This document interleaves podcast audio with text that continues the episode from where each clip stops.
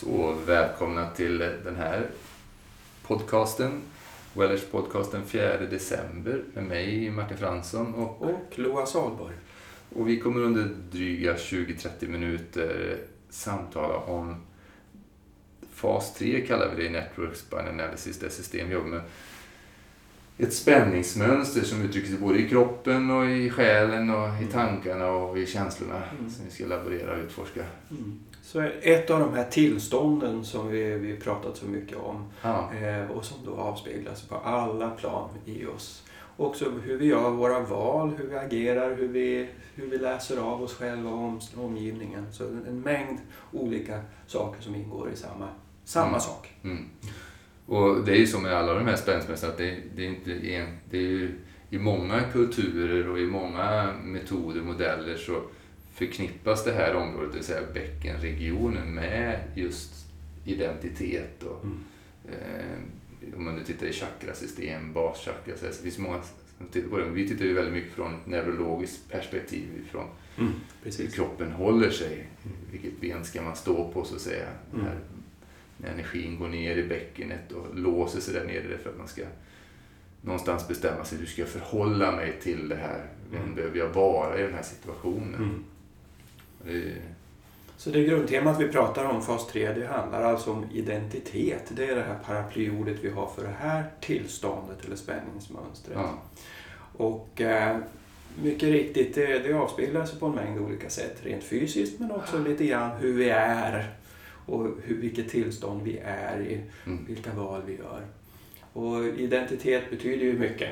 Ja, det är väldigt mycket. Ja. Det är ett stort område.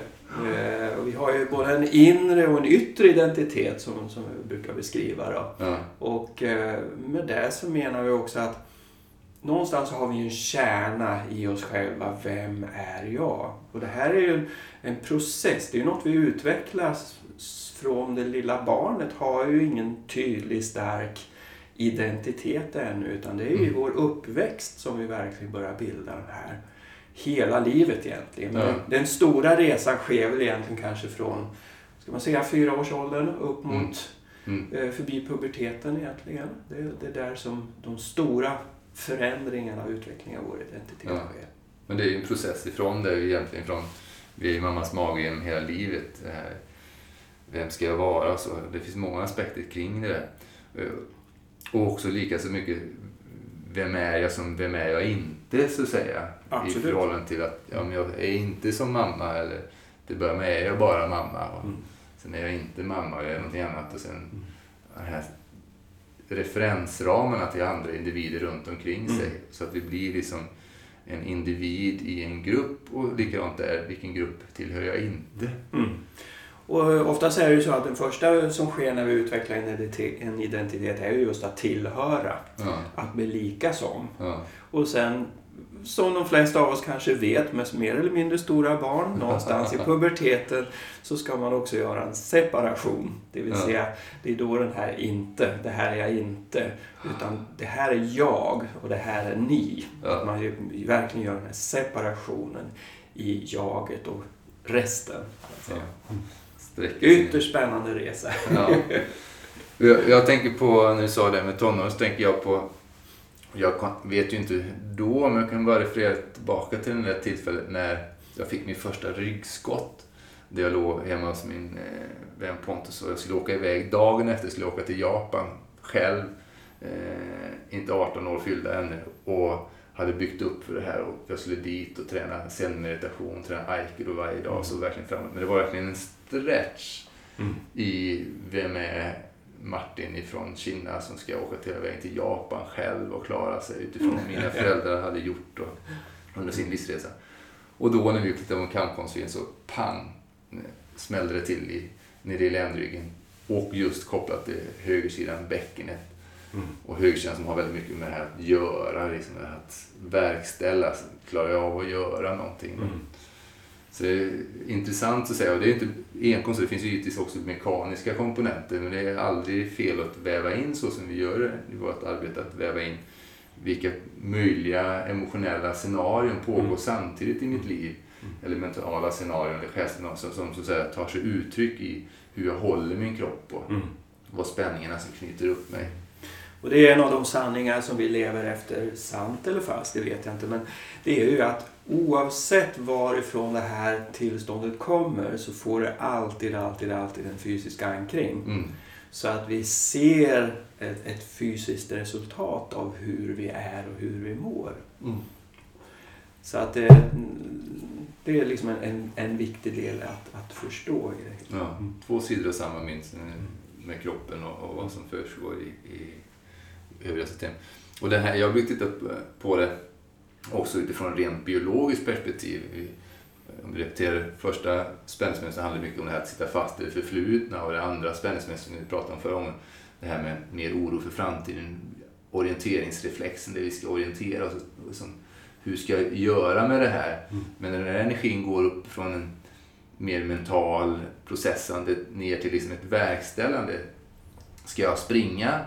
Ska jag fäkta? Ska jag stå min grund här? Mm. Så går ju energin och blodet och kraften ner i bäckenet, ner i benen mm. som oftast. För att det ska liksom förflytta mig. Mm. Behöver ta kraft. Ska jag springa åt höger, vänster? Ska jag verkligen bara stå fast där? Och i den där förhandlingen, den ska ju oftast bara gå på en bråkdel av en sekund och sen mm. ska ju den förlösas. Den ska ju ta vägen någonstans. Ja, men jag springer. Nej, jag står kvar här. Det är bättre att jag står stilla. Eller det är bättre att jag konfronterar den här mm. potentiella faran eller potentiella mumsbiten. Mm. Det finns ju en eh, risk i en överlevnadssituation att börja vela. Ja. och stå där och väga ena sidan än den andra. Och ni föreställer bara själva hur, hur, hur ni brukar göra, hur vi alla gör när vi står i den här förhandlingen. Ja ska jag göra si eller så. Så notera vad som händer i bäckenet. Att man bokstavligt talat ofta skiftar vikten från ena benet till den andra. Mm. Så vi, vi gör mycket av förhandlingen Precis. i det rörelsemönstret. Och det är ju så, vårt språk har ju så många kännetecken på mm. det här. Vankelmodig mm. å ena sidan. Alltså det, det, är som det finns i vårt talspråk i de flesta, i alla fall de språk vi pratar engelska ja. svenska, så, mm. så finns det med där. Mm. Men det, det handlar inte enkom om identiteten. Det är en annan aspekt utav det. Det är just den här eh, när beslutet ska tas det så handlar ju det om eh, integritet också. Absolut. Alltså vad är, identitet handlar ju om gränssättningar. Mm. Mm. Så en väldigt stark bit utav det här handlar om gränssättningar. Mm. Du ser ju inte minst då med alla, många av de som kommer till oss är ju kvinnor och det är ju tyvärr som så att väldigt många kvinnor har övergrepp i, i bakgrunden. Så, mm. Otaliga som jag ser i, i dagsläget. Som, det finns en sån bakgrund där det här är ett område som, som eh, håller den här spänningsproblematiken. Där det är just det här, vad är mina gränser? Så att, säga, att kunna sätta eh, gränser och värna om Ska jag springa eller fäkta eller vad, vad, vad ska jag göra? Det blir ett väldigt laddat område på, på många, både ja. bokstavligt och även rent liksom, funktionellt. Ja, precis. Det har väldigt många vitala funktioner. Ja. Så det handlar mycket om gränssättning också, identiteten. Alltså vilken eh, gräns ska jag ha gentemot mina medmänniskor? Mm. Sfären runt mm. mig själv, vad är tryggt här? Mm. Och det, det, är också det jag menar lite grann när jag, när jag pratar om det här med inre och yttre identiteten. Ja. Att den inre identiteten, det är ju den, den kärna som vi är. Och det här är det jag står för, det här är mina ramar, det här är mina gränser. Eh, och för att man själv ska kunna se sig själv i ögonen så behöver vi också på något plan vara ganska sant ja. sin inre identitet. Eh, men tittar vi på hur det ser ut i livet så är det ju ofta så att vi mäter mer av vår identitet i det yttre. Ja. Vi ser vad som händer när jag gör si eller så, så får det en konsekvens hur folk uppfattar mig. Och då tar jag det som en sanning för vem jag är och hur jag måste vara för att duga, räcka till, och bli omtyckt, älskad och alla de här olika varianterna på det. Då. Mm. Så att, och när vi går in i den konflikten, det här mellan den inre, vem är jag egentligen och vem måste jag vara för att duga på utsidan? Det är då som vi oftast verkligen går in i, i, i det här baklåset i, ja. i det här också. Och vanligt uttryck för det som, som vi ofta, ofta hör när vi träffar en person som sätter sig på bänken och vi frågar hur är det idag? Ja, ah, det är lite körigt och jag måste göra det här och jag borde ha gjort det här och, och jag skulle ha gjort så istället. Och det här är oftast borde, måste, skulle. Det är sådana klassiska uttryck för när vi är i den här förhandlingen, identitetsförhandlingen. Ja. Mellan vad jag står jag för egentligen och vad är det jag tror att jag måste vara. Eller vem jag måste vara för att duga. Mm. Så det är den inre dialogen som mm. pågår och också även i dialog med, med andra, att det blir den här förhandlingen. Mm. Och sen är det ju då att det går ofta i baklås, som du mm. sa. Mm. Det vill säga att det låser sig vid baken. Ja, det är inte det att alla ryggskott, ja, att alla ryggskott och, och bäckenproblem och höftproblem är just det här spänningsmönstret. Dock så är det en, oftast en väldigt stark komponent. För man kan ju ha flera av de här spänningsmönstren pågående samtidigt.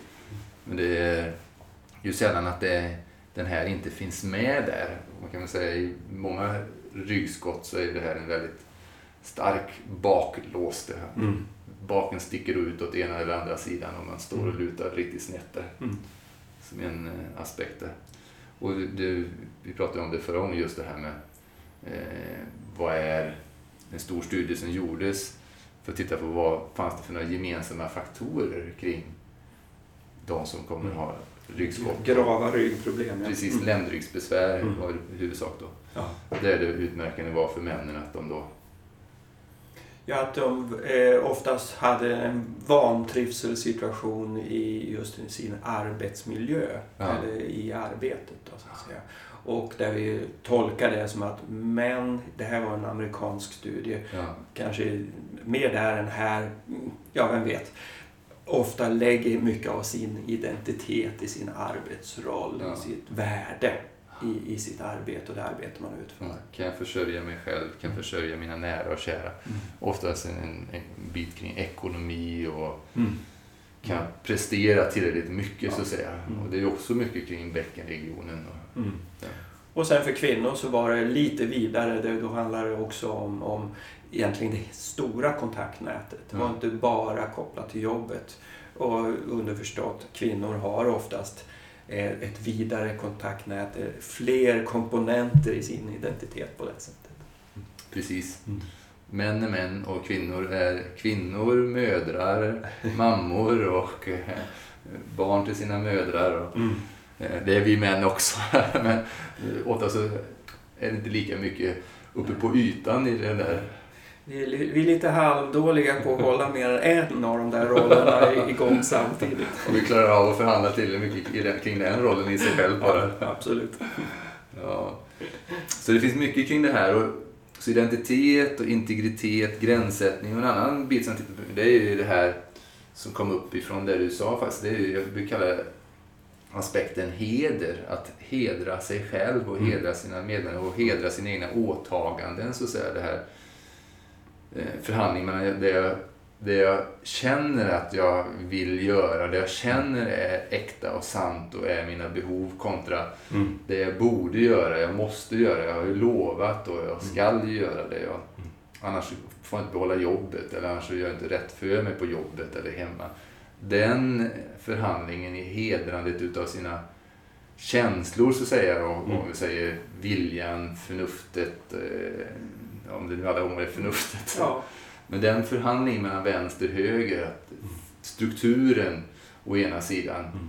det som skall göras som är åtagen att göra kontra ögonblickets behov och, och ja. känslor och impulser. Eller en djupare känsla av integritet ja. också, som, som ett bra begrepp för det. Precis. Och vi brukar ibland ge en liten enkel övning. En, en av de här små övningarna som jag brukar prata med mina klienter om och också göra själv ofta är ju den här situationen när jag står verkligen inför en förhandling ja. med mig själv. När jag bokstavligt står där med ska jag göra si eller ska jag göra så? Ja. Och det jag brukar föreställa mig då, eller göra för den delen, det är att jag, jag, jag ser mig själv stå och titta mig själv i ögonen i spegeln. På toaletten eller var det än är. Så har jag de här två sakerna i varsin hand. Och beroende på vilken hand så säger jag, om jag väljer det här, kan jag se mig själv i ögonen då? Ja. Eller om jag väljer det här, vad händer då? Börjar jag flacka med blicken? Eller kan jag fortfarande hålla blicken fast? Och för mig, i min lilla värld, mitt inre, så betyder det att när jag kan se mig själv i ögonen så kan jag också stå upp för det här valet. oavsett om det är någonting som kanske strider mot konsensus eller strider mot de ramar som jag har eller som världen lägger på mig eller min mm. tolkning av dem. Ja. Så känner jag med mitt hela väsen, med min egen integritet, med min egen heder att det här är det val jag måste göra. Ja. Och sen naturligtvis så finns det ju situationer när det, det, faktiskt är mindre viktiga val då vi kan schackra lite grann också. Det, det får man bjussa på om man säger så. Så det är ju inte alltid på liv och död. Men ibland just när, det, när vi har den där situationen. Gud, hur ska jag göra? Ska jag göra si eller ska jag göra så? Föreställ dig det. Se er själv i ögonen. Kan ni hålla blicken kvar eller inte? Mm. kan vara en fantastiskt bra övning. Mm, det är jättebra övning. Det finns många olika övningar som kan stödja, som man kan göra själv för att stödja just att bli klar med en inre förhandling. Precis. Där det handlar om, ska jag gå åt det ena eller andra hållet? Eh, för det är ju så att i djurvärlden så ska egentligen den här förhandlingen vara över på ett ögonblick och sen så ska vi liksom ha ager, fysiskt agera, att det mm. tar sig en rörelse. Och de här spänningarna som låser upp sig i ländryggbäckenet ljumskar och allting. Det är ju ofta kopplat till just att den här förhandlingen fortgår. Den har inte blivit avslutad. Mm. Och det är ett väldigt enkelt sätt att komma åt den här ytterligare så att säga då. Eh, som en liten äkta assistans till den som du sa, det är att man kan göra det, det är ju, man kan så att säga då skifta vikten också mellan vänster och höger för att känna vilken sida, om man nu lägger det i mm. ena beslutet i ena Precis. handen och i den andra handen, vilket är som känns mest stödjande, vilket känns lättast och ger dig lyftkraft så att säga. Och en annan sak man också kan göra det är att prova att korsa benen. Ett ben när man står upp framför det andra och så prova att korsa det andra benet framför och sen så se vilket som känns lättast, som känns liksom mest mm, skönt inombords. Vilket ben känns skönast att ha framför det andra. Och sen gör du likadant framför mittkropp, mittlinjen av din kropp med dina armar. Att du lägger en arm framför den andra mm. den andra och så känner du vilken känns lättast, så att säga, mest stödjande. Och så, så, så man korsar så armarna ungefär vid handlederna kan man säga? Ja, precis. Och så vänder man tummarna ner så att tummarna pekar ner mot marken så handflatorna vänds mot varandra och lillfingrarna pekar upp och så knäpper man händerna och så för man in händerna och håller dem framför hjärtat och slår ner blicken lite grann. Och så kan man där, i den positionen där man så att säga hjälper vänster och höger att omfamna varandra, mm göra den här lilla för, inre förhandlingen då, i, i att få stöd så att alla delar i systemet ligger bakom det beslutet, det valet, den mm. handling som ska sättas ut i verkligheten. Och en annan grej som man kan göra innan det där som jag tycker om det är, eh, man kan göra det stående men lättast är oftast ligga på magen. Och det är för att gunga på rumpan.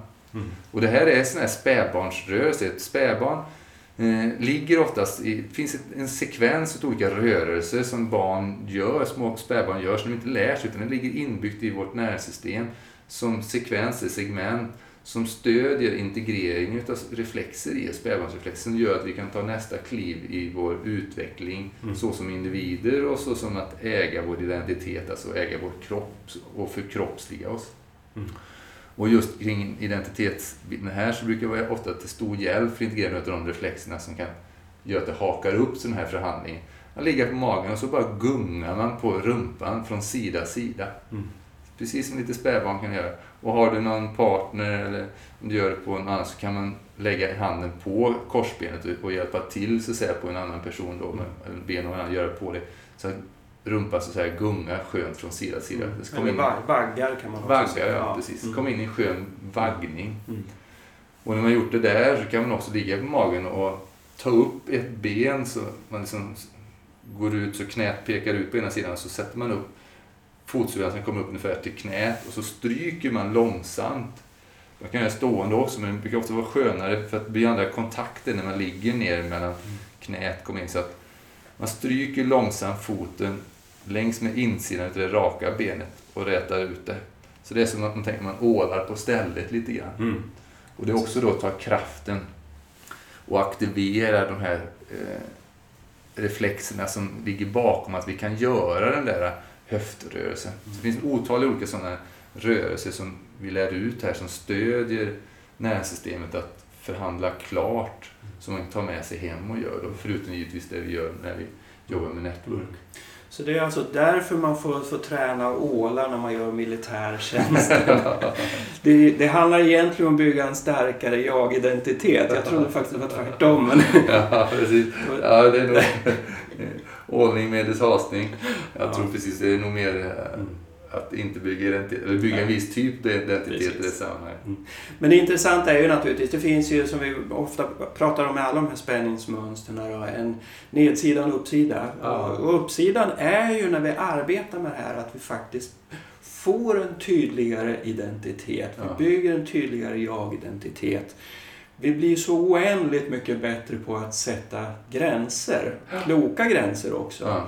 Eh, när vi säger ja och när vi säger nej. Mm. Eh, och det här är någonting vi ser med väldigt många av våra, våra klienter också, och även i våra egna liv. Liksom just den här förmågan att ha en, en tillförsikt egentligen i, i vem vi är och, och, en, och en tydligare bild för när, när vi kan schackra med oss själva och när vi ja. måste vara väldigt tydliga med, med ramsättningar egentligen. Precis. Mm. Kunna stå upp för sig själv. Ja. Och, och därmed när bäckenet släpper på spänningar så blir det mycket mer, mindre smärta i de här regionerna. Men även i höfter, knän och mm. fotleder och upp i systemet som också släpper. Så det finns mycket vinning på många plan ja. när vi står upp för oss själva. Och det är roligt att höra klienter ibland när de har fått en, en entrainment eller network-behandling och de kommer tillbaks efteråt och berättar. Det är så jättehäftigt för när jag var ute och gick på stan så kunde jag verkligen känna hur jag kunde vagga på höfterna.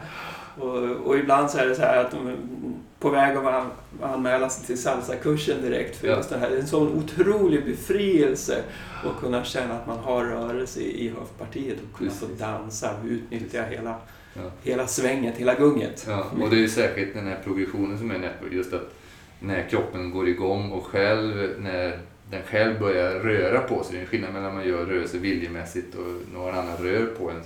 Men just den här självgående rörelsen kommer igång. Att det, mm. det här självgungningen i, i bäckenet är så otroligt eh, glädje och inspirationsgivande. Det känns så skönt. Mm. Så de flesta känner sig helt plötsligt som professionella dansare. Ja. Får de här avslappnade höfterna som vi ser i andra kulturer, både män och kvinnor har. Att de verkligen kan släppa loss höfterna och mjukt röra dem, vara lediga, fria i gången. Och ett annat perspektiv var det när vi känner att vi får tillgång till bäckenet i höften och så, så får vi också, ofta också en känsla av ett energiflöde i kroppen som går ner, mer nerifrån och upp. Ja. Vilket vi alltid förknippar med mer energi. Ja. Vi är mer energifyllda.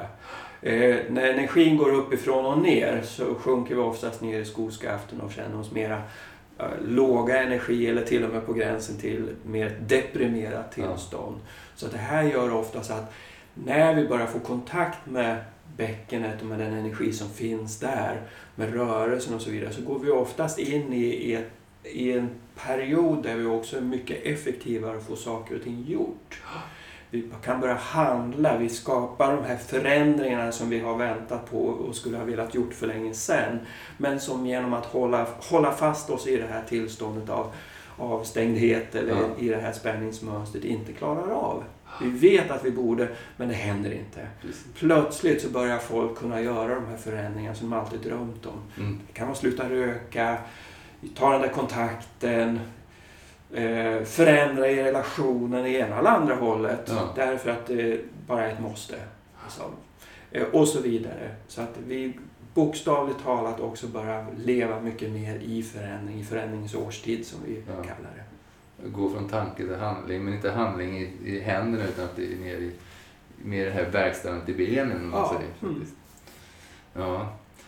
Och med det så vill vi runda av, tänker mm. jag tacka för den här gången. Och som jag alltid säger, vi vill ju vara i samtal och dialog med dig. Så skriv, kommentera vad du har fått ut av den här podcasten och dela vidare till de nära och kära som du kan tänka dig behöver höra det här och inspireras av det. Mm. Och nästa gång så kommer vi prata om passion. Mm. Minsann. Ja, vi blir bättre än så. Tack för nu. Tack ska ni ha.